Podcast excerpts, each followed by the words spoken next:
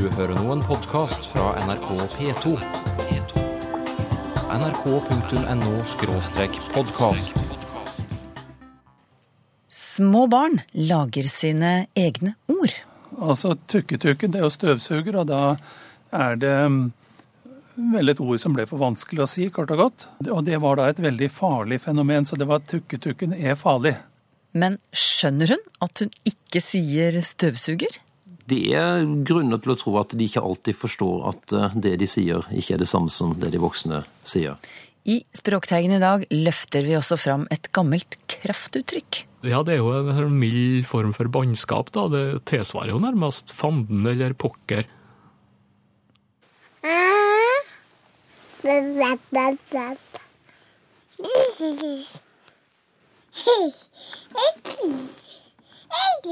Ny i verden og i full gang med å prate.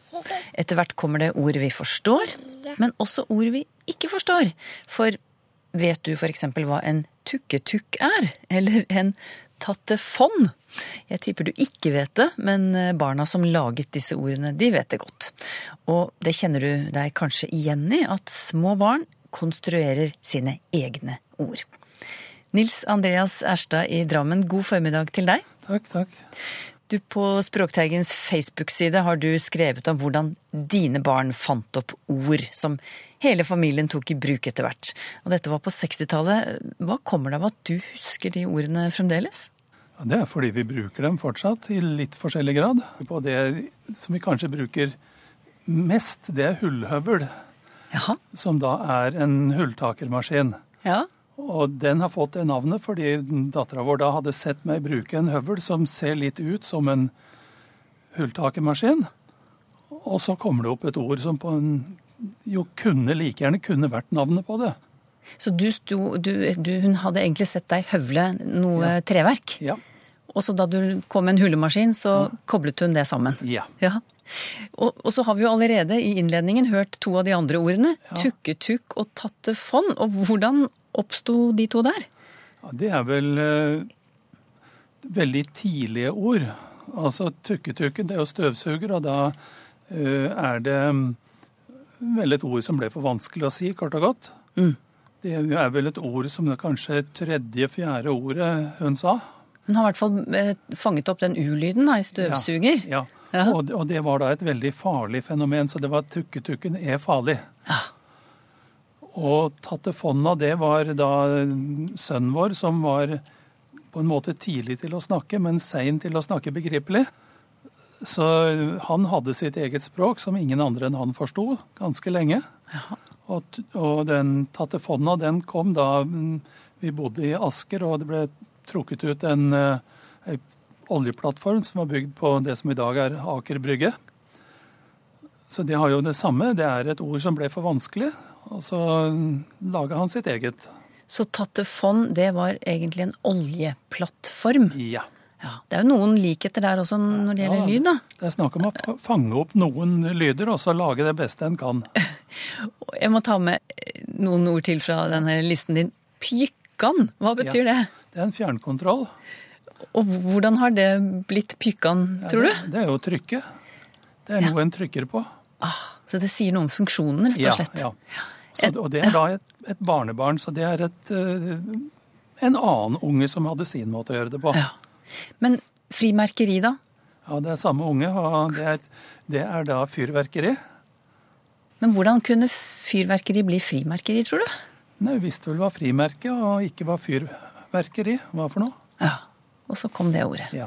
Dette er jo bare noen eksempler på, Ja. på barnespråk hjemme hos Ja. deg, og noen av dem er jo som nevnt fra 60-tallet. Ja. Men så sier du altså at dere voksne begynte også å bruke disse ordene. Og hvorfor gjorde dere det? Nei, det har jeg ikke noe fornuftig svar på. Vi, vi, bare er sånn, vel. at Leker mye med ord. Ja. Men dere, dere kunne jo valgt å bruke de i gåseøyne riktige ordene og la barna stå for det eksperimentelle her. Ja, det, nei, jeg har ikke noen god forklaring. Ja, det, men det er veldig mye ordspill og sånne ting i, i familiene, både innad og resten av familien også. Og så sier du at disse ordene bruker dere fremdeles. Dere bruker dem i dag 50 år etterpå. Og jeg lurer på hvordan reagerer utenforstående på det, når du og familien din begynner å snakke om tukketukk og pjukkan og så videre? Ja, noen syns det er veldig rart og tydeligvis føler seg utafor, utestengt. Og andre syns det er morsomt og blir med hva skal vi si, etter beste evne. men, Men dere, dere tenker ikke som så da, at disse rare ordene de kan vi jo ikke bruke når det er andre folk til stede? Så, så, sånne hensyn tar vi ikke. Nei. dere holder på deres? Ja, ja. Ja. Nils Andreas Erstad fortalte om ordoppfinnelser hos barn og barnebarn. Og nå lurer du kanskje på, som jeg gjør, hvordan disse morsomme konstruksjonene oppstår. Vi får spørre en språkforsker, Christian Emil Christoffersen ved Universitetet i Oslo, hvorfor lager barn sine egne ord, som vi har fått eksempler på nå. Når barna eh, er rundt ett år, så begynner de å eh, si sine første ord. Og da har de allerede forberedt seg ganske lenge. I løpet av de få månedene før ettårsdagen så eh, har de begynt å få en forståelse for kjente ord i omgivelsene. Og de har også øvd seg ganske mye på å artikulere gjennom det som vi kaller for babling. Samtidig så står de overfor ganske store utfordringer. For det å lære å snakke, det å bevege seg inn i det finmotoriske uh, området. De skal koordinere utrolig mange muskler. Og uh, enkle ord, de får de ofte til ganske bra, spesielt hvis de allerede har øvd litt grann på, på det gjennom babling. De har sagt baba, mamma osv., og, så og så plutselig så er det ganske lett å si mamma. Uh, men så er det jo en god del ord som er mye, mye verre. Ja. Det kan være ord som eh, inneholder flere konsonanter etter hverandre. Og det er også noen ord med lyder som S, R og L, Kjelyden, skjelyden, som er ganske krevende. Så, så det er lyder som er vanskelig for dem, og da må de finne på noe annet? Det er det du sier? Ja, De produserer jo fremdeles ord som består av lyder, men eh, fordi lydene enten ikke er de som man forventer at det skal være ut ifra voksenspråket, eller de bytter rom på lyder, de plasserer de feil i ord, så kan resultatet bli ganske rart. Har, har du noen eksempler på, på hvordan barn kan lage sine egne varianter av ord? Fordi disse ordene inneholder lyder som er vanskelig for dem å, å få ut, rett og slett? Ja. eh, For noen år siden så gjorde vi en studie av eh, to- og treåringer og deres forsøk på å uttale ord som eh, inneholdt mer enn én konsonant etter hverandre. Og eh, der har vi en del gode eksempler på, på hvordan det, det kan ende opp. For eksempel så var et av de ordene som barn, barn, disse barna skulle forsøke å si, det var krokodille. Krokodille er vanskelig på flere måter, men eh, det har i hvert fall en konsonantgruppe, en K og en R etter hverandre i begynnelsen, som er vanskelig. Og noen av de ordene som de faktisk produserte i forsøket på å si krokodille, var kokedille, tottedille, pdille, tokkedille, dikkedille, klokkedille, krotoklille. Oi, det var jo ikke så lett. Nei, eh, det kan nesten høres ut som det er vanskeligere, men dette er et forsøk på å faktisk si det som det skal være. Ja. Eh, Jeg har et eksempel til som vi kan ta veldig fort, nemlig at de skulle forsøke å si flaske. Eh, Det ble blant annet faske, fakke, svarske og slaske. Hva, men hva er det de egentlig har gjort her, i disse eksemplene som du nevner? Ja, vi kan ta et av krokodilleorda, f.eks. krokodille.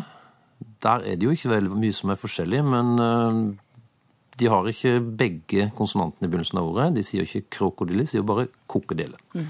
Og det er en veldig vanlig strategi. Du dropper en av de to konsonantene fordi at det blir litt krevende å gjøre det. Eh, I det neste eksempelet som vi hadde, tottedille, så er det en uh, Både så har, har barnet utelatt r-en og har endra k-ene til t. Det er også ganske vanlig. Andre mulige strategier? Bare la være å si konsonantgruppa i det hele tatt. Det er også en, eh, en grei. Det tredje eksempelet, pedille. Der har eh, barnet ganske enkelt unngått de, to, de to første stavelsene der, eh, der eh, konsonantgruppa står. Så det du sier er at vanskelige lyder, lyder som er vanskelig å uttale, der kan det komme andre ord som barna lager selv. Er det andre grunner til at barn lager sine egne ord?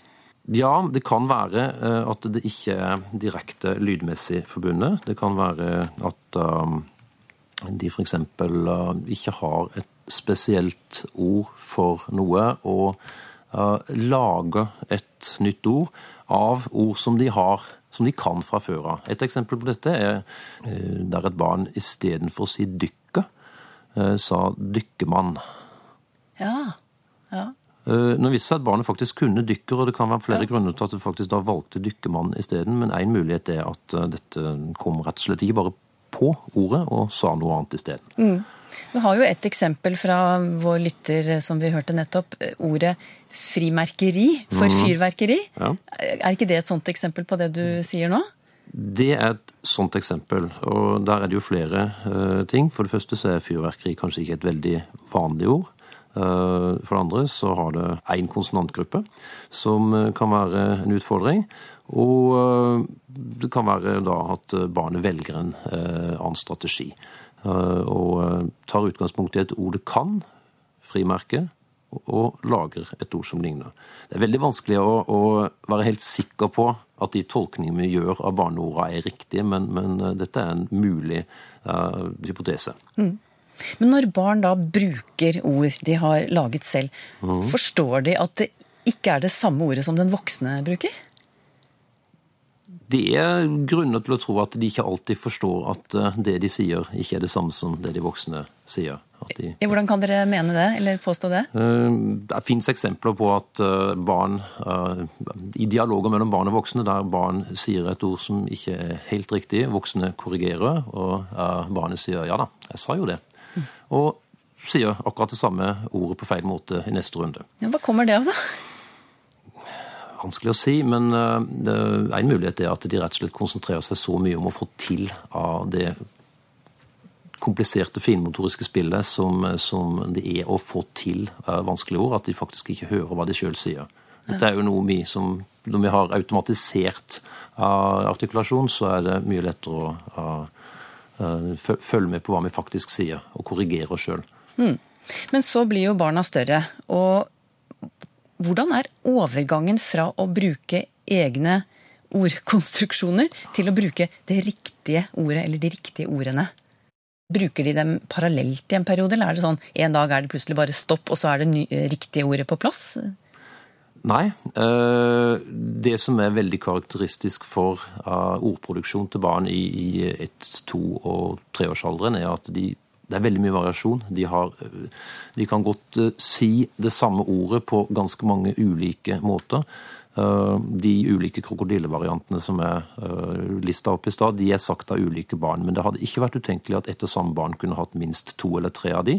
Og så uh, vil det være slik at riktig og en eller flere feil former uh, eksisterer parallelt i en periode, og så vil barnet til slutt lande på den riktige formen. I de aller fleste tilfellene. Og når barnet da har begynt å bare bruke det riktige ordet, hva skjer da med det egenkomponerte ordet? Havner det på søppelbøtten, eller hva skjer? Ofte så glemmer de dette ordet, fordi at de lærer seg det nye ordet og bruker det. Og det skjer i de aller fleste tilfellene. Eh, Men det kan også hende at eh, noen ord blir værende i familie lenger. Jeg kan ta et eksempel fra min egen familie, der eh, en av døtrene mine eh, i toårsalderen kalte balkongen for eh, badekongen. Dette kan forklares rent art- artikulatorisk, eh, men samtidig så er det veldig interessant at eh, lenge etter at barnet hadde lært å si balkongen, så levde dette ordet videre i familien. De fleste omtalte da balkongen som badekongen, og det kan fremdeles gjøres eh, nå ca. 20 år etter. Er en viss porsjon humor. Ja, det skal vi høre mer om neste gang. Hvordan bl.a. de ordene som barn konstruerer når de er veldig små, kan leve videre som en slags form for slang i familien. Takk skal du ha, Christian Emil Christoffersen, språkforsker ved Universitetet i Oslo. Kunder som stikker av og ikke betaler for seg på bensinstasjonen, det er i ferd med å bli en føljetong her i Språkteigen. Med utgangspunkt i et lytterbrev lanserte vi først ordet avstikk. Om selve handlingen, altså det å stikke av fra regningen. Så fikk vi nok et brev med begrepet stikkunde, som visstnok brukes av dem som driver bensinstasjonene. Et ord for kunder som stikker av. Og nå er det Wenche Blomberg som skriver til oss og forteller at uttrykket pumpestikk har vært kjent blant eh, bilister i mange år. Altså pumpestikk, fylle bensin og stikke av fra regningen. Jeg tar med én lytterhistorie til fra Torbjørn Bø. Han hørte innslaget vårt i forrige uke om oversettere som lager undertekster til utenlandske fjernsynsfilmer. Bø har lyst til å gi oss et eksempel på hvordan en oversetter med virkelig språksans, som han skriver, løste et problem. Det var et uh, britisk komiprogram som baserte et av poengene sine på en hvalfanger som skulle dra på ferie til Wales. Og whale betyr som kjent hval. Den norske oversetteren lot hvalfangeren dra til hvaler. Elegant, spør du meg, avslutter Torbjørn Bø. Vi har snakket om barn og ord i dag, og det er ett ord som alle barn må lære, helst så tidlig som mulig. Vi voksne krever at de små behersker dette enstavelsesordet på fire bokstaver. Måten vi bruker ordet på er en norsk spesialitet, mener språkforsker Heidi Brøseth ved NTNU. Det at vi nordmenn av mange blir sett på som et litt uhøflig folkeslag, det er nå så. Men det er én ting som vi nordmenn er verdensmestere i, da, og det er å si takk. I norsk så sier vi f.eks. takk for mat. og Det er noe som man ikke ville ha funnet på å si i Frankrike. Der vil man heller skryte av kokken eller skryte av måltidet og sånne ting. Men vi nordmenn vi takker for alt mulig, som jeg tror en del utlendinger syns er ganske rart. Vi takker for sist, eh, når vi møter noen etter å ha vært sammen med dem dagen før, f.eks. Ehm, vi takker for laget når vi har gått en tur sammen eller vi har gjort noe sammen. Hvis vi har vært på besøk, så sier vi takk for meg til vertinna. Og vi sier takk for skyssen og takk for hjelpa. Ja, det Vi nordmenn vi takker for alt mulig. Og dette er jo ikke noe som oppstår av seg sjøl. Vi trener jo ungene våre til dette. Fra de er bitte små, så lærer de seg å si takk. Og det her at vi nordmenn er et takknemlig folkeslag, da, nærmest fra vugge til grav, det kan vi jo bare se ved å ta en titt på gravsteiner, f.eks. For, for der står det jo Takk for alt. Og det sa språkforsker Heidi Brøseth ved NTNU. Vi rakk ikke så veldig mange spørsmål om dialektord forrige gang, Tor Erik Gjenstad, men eh, lovet å komme sterkere tilbake i dag. Erling Andersen han kom over uttrykket forkuntmat i en trøndersk avis. Hva betyr det, spør han, og er det bare et dialektuttrykk? Eh, ja, det er jo et uh, dialektuttrykk, men det går jo ganske vidt, eller har iallfall gjort det. Det betyr god og sjelden mat. Altså mat som du sjelden får da, og som du da har ekstra lyst på. Og jeg er jo vokst opp med det sjøl. Barndomsdialekten på Indre Nordmøre, der taler det om førkundmat. Hva slags mat var det, da? Nei, Det var hvis det var noe som var lenge siden han har fått, lenge siden han har smaka. Da var det førkundmat, og da kunne jeg si at ja, nå skal det bli førkunt med ball, f.eks. og det er mange uttalevarianter. Forkunnmat, furkunnmat. Denne T-en her, den er vel egentlig litt mer sjelden, men det er mange vrier på det. Og eh, mange plasser nordafjells, eh, Midt-Norge, da og opp, eh, opp til Helgeland. Og så har du det òg nordlige østlandsområdet med, med Gudbrandsdalen, med Nord-Østerdalen og helt ned til Nord-Odal er det registrert. Og også ned i Hordaland, så det har gått ganske vidt. Og, og forkunn, det går tilbake på norrønt. Det er et adjektiv forkunnig, som betydde uh, lysten på. Olaug Steinbru eh, fra Kristiansand forteller at da hun vokste opp eh, her i Midtre Agder, som hun skriver, på 30-40-tallet, så sa de ikke fjøset, men de sa floren. Jeg må ut i floren og melke, f.eks. Og hun har ofte lurt på hvorfor dette ordet floren. Ja, eh, det er jo en del plasser de sier det om fjøset. Og det er jo nettopp i eh, Agder, eh, Vest-Agder helst. Og så fortsetter oppover eh, Vestlandet. En del plasser helt opp til iallfall Sunnfjord. Så er det Floen. Og det der fantes allerede i norrønt eller gammelnorsk. Nå er det her faktisk samme ordet som det engelske floor, som betyr gulv, vet oss. Og, og det har nok da opprinnelig vært gulv i fjøs, og det er belagt ei slik betydning. eh, Gulvet imellom eh, båsene, altså det er jo eh, en rad med båser på hver side, og så blir det da gulvplass imellom der. Og det er kanskje den opprinnelige floen, som da har kommet til å, å bety hele fjøset etter hvert. Og så er det jo også om plasser brukt om den renna bak båsene, der som møkkja faller eh, nedi, da. Det som en del plasser på Østlandet heter for skantil. Eh, Og den renna der, det er også, også vært kalla floen, men opprinnelig er det nok uh, gulvet. Karin Neili fra Kopervik i Rogaland skriver her hvor jeg bor, sier vi f.eks. det skulle ikke furast om man hadde tatt et tak, eller det skulle ikke furast om man hadde kommet litt tidligere. Hva kommer ordet furast av, spør hun. Ja, eh, det ser jo ut til at det betyr nærmest å undrast her, da. Altså, det skulle ikke furast, det skulle ikke undre oss, det skulle ikke forundre oss. Og For å ta litt geografi her, da, så er det jo eh, registrert på Sør-Vestlandet en del plasser. Ryfylke, Sunnhordland, og nå får oss jo tydeligvis inn Karmøy og her, da.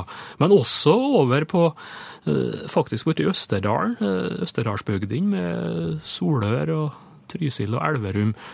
Og norrønt så har du furda, altså, som blant annet betyr å undrast på. Så det må vel være nedarva direkte derifra, vil jeg tro. Og så har hun da et tilleggsspørsmål her, det kraftuttrykket furan. Jeg vet ikke akkurat hvordan det blir uttalt, men jeg regna med det utrop når en blir sint. Og ja, det er jo en sånn mild form for bannskap. Det tilsvarer jo nærmest fanden eller pokker. Og det er visstnok eh, i slekt, eh, de, de orda der, ja. Og det er sørvestlandsk. Vi har det fra Sunnhordland og, og Hardanger som et eh, lokalt eller regionalt kraftuttrykk. Asbjørn Øvrebø spør om et ord som ble brukt av eldre folk i Rogaland da han var barn, og ordet er tassin. Det blir brukt om den vesle skålen vi har under kaffekoppen. Forklar, Tor Erik.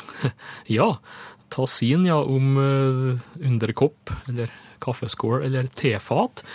Det er belagt, uh, ja, uh, ifra Rogaland, men også litt videre område, Agder. Og ikke minst Bergen er det flere opplysninger om det. Og ellers på Vestlandet, Hardanger, Sunnhordland, Indre Sogn, og oppi, helt opp til Fjordane. Og også sammensett T-tassin fra Stavanger. Og det er, det er selvsagt i slekt med tyske tasse og også tilsvarende ord på fransk. Altså har det vel fått et uh, suffiks da, på en eller annen måte, som sannsynligvis er det in eller ine, altså et minkingssuffiks, eller diminutiv, som en sier. Så uh, det er nok lånt inn, enten fra fransk eller tysk. Minkingsuffiks, det må du forklare litt Ja, det er altså noe som betyr at, at det er lite, da, så det er jo da eh, egentlig en, en liten kopp. Eh, liten sånn tass, som det er sagt. Så det er det, det som ligger i de her, eh, den typen suffiks.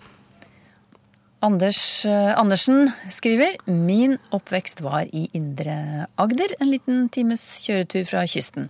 Her er et utvalg uttrykk jeg ikke finner i vanlige ordbøker. Og så har han sendt oss en hel liste.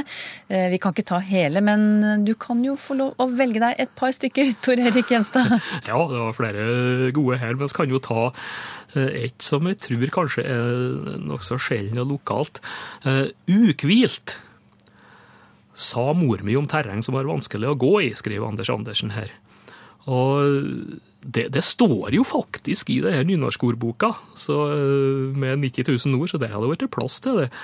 Det betyr altså ulendt, ja. Og Ivar Aasen har det i si ordbok, og det er jo da fra flere plasser i Agder. Og litt grann videre kring Telemark er det notert Vest-Telemark først og fremst. Også over til, til Røldal, så det er et sånn sørlig eh, område der eh, som har det ordet der. Og så er det et verb. Det er jo såkalt refleksiv form her, da. Sjale seg skriver Andersen her, siterer, sa hun mor om andre damer som tok fri søndags ettermiddag og spaserte sammen på riksveien. Ja. Jeg lurer på om det er kjent andre plasser. Eh, jo da, det, det er det nok, og igjen så finner oss det her eh, i de to nevnte ordbøkene, både nynorskordboka og Ivar Aasens ordbok. Og eh, ja, det er jo ei betydning her, da. og å reise på, på besøk og, og være i gjestebud. Så det er vel noe med det her å, å ta seg fri, da. Sjale seg sjåfolk. Og det er Telemark og Agder uh, i hovedsak som har det der. Visstnok uh, har det hatt noe med lyd og prating å gjøre. Norrønt skjala betydde å, å snakke eller å skråle. Så det er vel den der snakkinga når en har vært i, i selskap eller kanskje ute og spasert, som ligger bak det her. Så det er, det er et lyd, lydbeskrivende ord som egentlig henger sammen med å skjelle, faktisk, ser det ut for. Så det har ingenting med sjal å gjøre, altså? Nei, det Nei. har ikke noe med plagget å gjøre. Du skjønner, ja, for Jeg ser for meg disse her damene som er, spaserer på søndags ettermiddag med, med det fineste sjalet Ja. dandert over skuldrene. Ja. ikke sant? Da skal Ja, de ja. ut og sjale seg, kanskje vise det fram til og med. Nettopp. Men det her er, det her er SKJ opprinnelig, altså. Så det er helt tilfeldig at det har vært, at det ligner på plagget sjal. En liten oppfordring helt på tampen. Det nærmer seg jul, og har du spørsmål om ord og uttrykk som kan knyttes til høytiden på en eller annen måte, send inn til teigen krøllalfa nrk.no. Ti av dere får Språkteigens krus eller T-skjorte, så husk adresse og eventuelt størrelse. Teigen krøllalfa nrk.no.